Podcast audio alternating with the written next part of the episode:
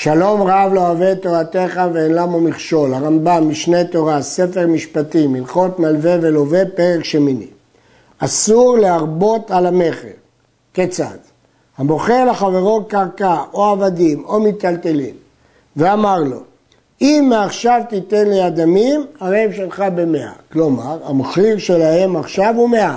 ואם זמן פלוני, אם תשלם לי את זה רק כעבור זמן, הרי הם שלך במאה ועשרים. הרי זה אבק ריבית. זה לא ריבית ממש, כי זה מכר, זה המחיר.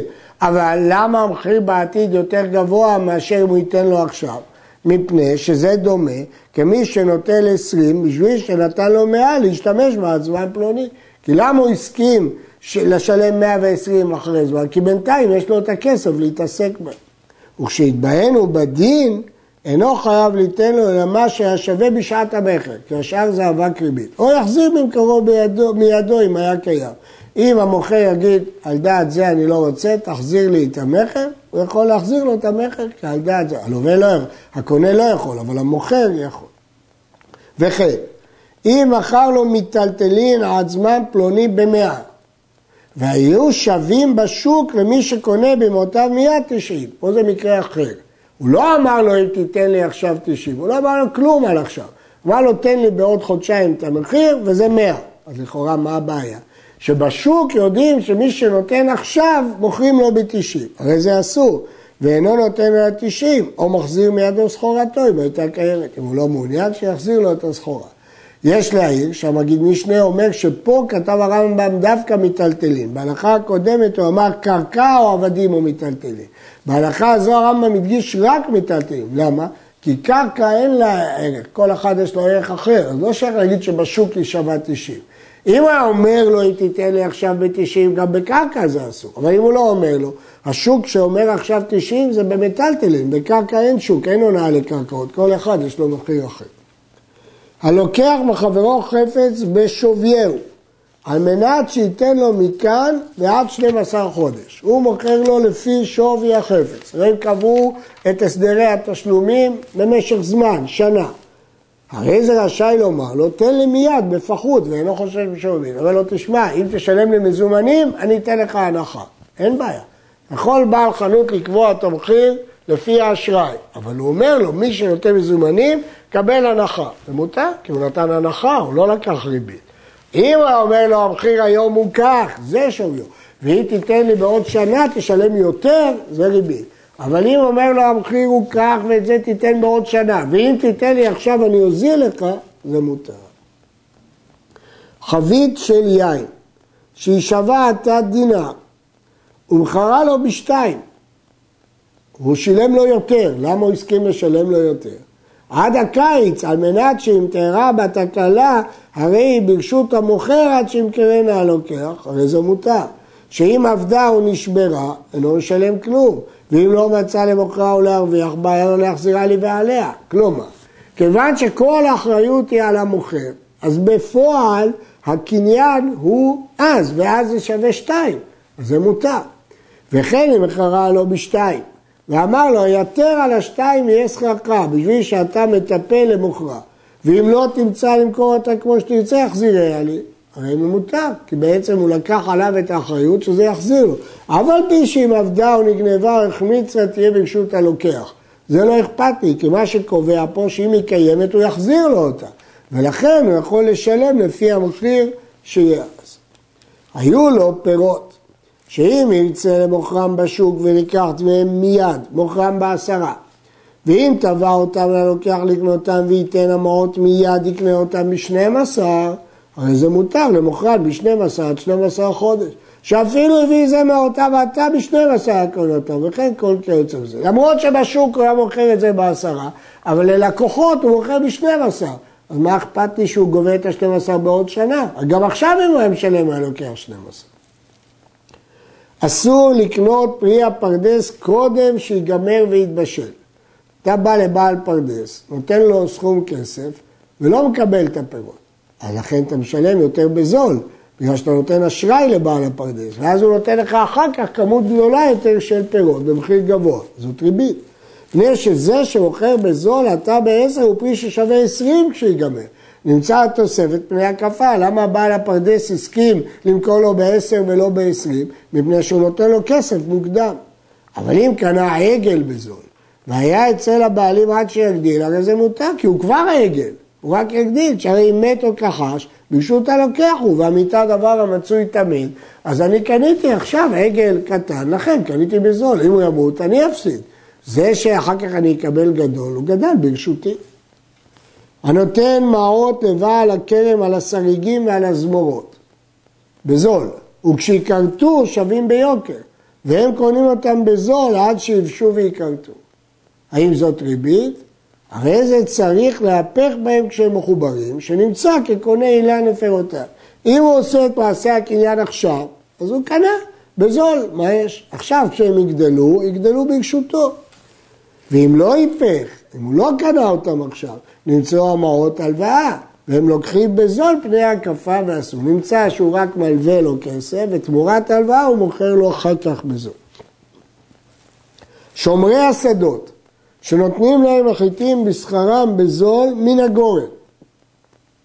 הם שומרים עכשיו, והם יקבלו אחר כך בזול. כשיבואו לגורן צריכים להתעסק עמהם במלאכה בגורן, כדי שיהיו החיטים האלה שנטלו בסוף זמן השכירות. כיוון ששכירות לא משתלמת אלא בסוף. אז אם הם גמרו את העבודה רק בסוף, עכשיו מגיע השכר. אז עכשיו יכולים לתת לפי המחיר של עכשיו. ואם לא עשו כן, אם כל העבודה שלהם היא השמירה הסתיימה לפני הגורן, אז בעצם הוא כבר היה צריך לשלם להם את הכסף. נמצאת השכירות אצל הבעלים כמלווה, יש לו חוב לשלם שכירות. וזה שלקחו בזאת, שיחרו שכרם עד הגורן, בגלל שהם הסכימו לתת לו אשראי שלא ישלם להם מיד, לכן נותן להם הרבה פירות בגורן, בזול. הוא לא יכול, זה ריבית. אם הם פועלים, ממשיכים לעבוד עד אז אפילו קצת, אז סוף העבודה שלהם זה בגורן, שכירות משתלמת רק בסוף, ולכן הוא יכול לתת במחיר של הסוף. אבל אם השכירות הסתיימה קודם, אז זה כאילו מלווים לו כסף. אריסים, שהיו בעלי השדות מסלקים אותם מן השדה בניסן, ונותנים להם אריסים בכל זרע חומר ארבע סין, זה היה ההסכם. כל כמות של חומר ארבע סין. והניח זה אריסים בתוך שדה עוד אייר, הוא לא שילם להם עכשיו, אלא חודש מאוחר יותר. ונטל מהם שש שאים, הרי זה מותר ואין כאן שם ריבית. מה שקרה כאן, שהריסים לא שילמו בזמן את הארבע שאים, אז כאילו שבעל הבית הלווה להם את הזמן הזה, ולכן הם נותנים בסוף שש שאים. זה נראה כריבית, אבל לא, זה מותר. למה? כי הוא השאיר אותם בתוך הקרקע עד אייר, אז הם ממשיכים להיות אריסים עד אייר, אין כאן בעיה.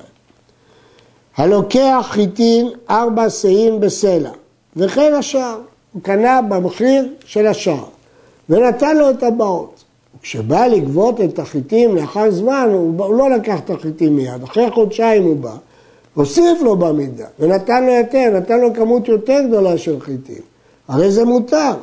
למרות שמה ההיגיון, למה הוא הוסיף לו? בגלל שהוא קיבל את הכסף מוקדם.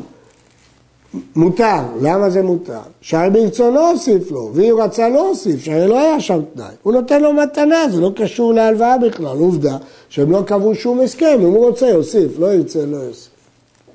מותר לאדם ליתן דמי חבית של יין לחברו, ולומר לו, אני לא לוקח עכשיו את החבית. אם החמיצה מכאן עד יום פלוני, הרי ברשותך. אבל אם הוזלה או קירה הרי שלי. למה זה מותר? שכיוון שקיבל עליו הזול, הרי זה קרוב לשכר ולהפסד, וכן כל קיצר בזה. אם הוא היה מבטיח את היין שלו, והיה מקבל יותר בגלל שהוא לא לוקח עכשיו, זה ריבית. אבל פה הוא לא מבטיח, כי יכול להיות שהיא תוזן, ולכן הוא קרוב לשכר ולהפסד. וכן מותר לאדם לקנות מחברו בתשרי מאה כדין של יין בדינה, ואינו נטלה עד טבת. וכשנוטלם, בודק ומחזיר החומץ ולוקח היין הטוב. ולא נאמר שזאת ריבית, כי אם הוא היה לוקח אותם אז, היו לו חלק מהם מחמיצים. שלא קנה ממנו אלא יין. ואלה שהחמיצו בתחילה היו רואים להחמיץ, אבל לא יוודע לו אחרי זמן. אז הוא אומר, בכלל לא קניתי את החביות האלה. אני שילמתי לך בשביל מאה קדים של יין, ועוד לא קבענו איפה הם. אז רק את היין קניתי. מקום שנהגו לזכור את הספינה וליטול סחרה. אם נשברה, שמין לו מה שפחתה ומשלם יתר על השכר, הרי זה מותר. אגרה ופגרה. הוא משלם לו את השכר וגם את מה שהספינה ניזוקת, וזה לא נחשוב ריבית, כי סוף סוף הספינה ניזוקת, פחתה. וכן מותר להשכיר סיר שנחושת כיוצא בו ונותן לה שכר, דמי השכירות, ודמי מה שפחת ממשקלו. זה לא ריבית, כי הוא לוקח את זה בגלל שפחת ממשקלו. יש דעה אחרת בגמרא, אבל כך הלכה. וכן כל כיוצא בזה. אין מקבלים צאן ברזל מישראל מפני שהוא אבק ריבית. מה זה צאן ברזל? כיצד הם צאן ברזל? הרי שהיה לו מאה צאן וקיבל ממנו להיטפל בהם. הוא לקח אדם שיטפל במאה הצאן האלה וההסכם הוא ויהיו הוולדות והגזרה והחלב לאמצע, לשליש או לרביע, עד שנה עוד שתיים. קבעו שהם יחלקו את הרווחים ביניהם, כמו שייתנו ביניהם.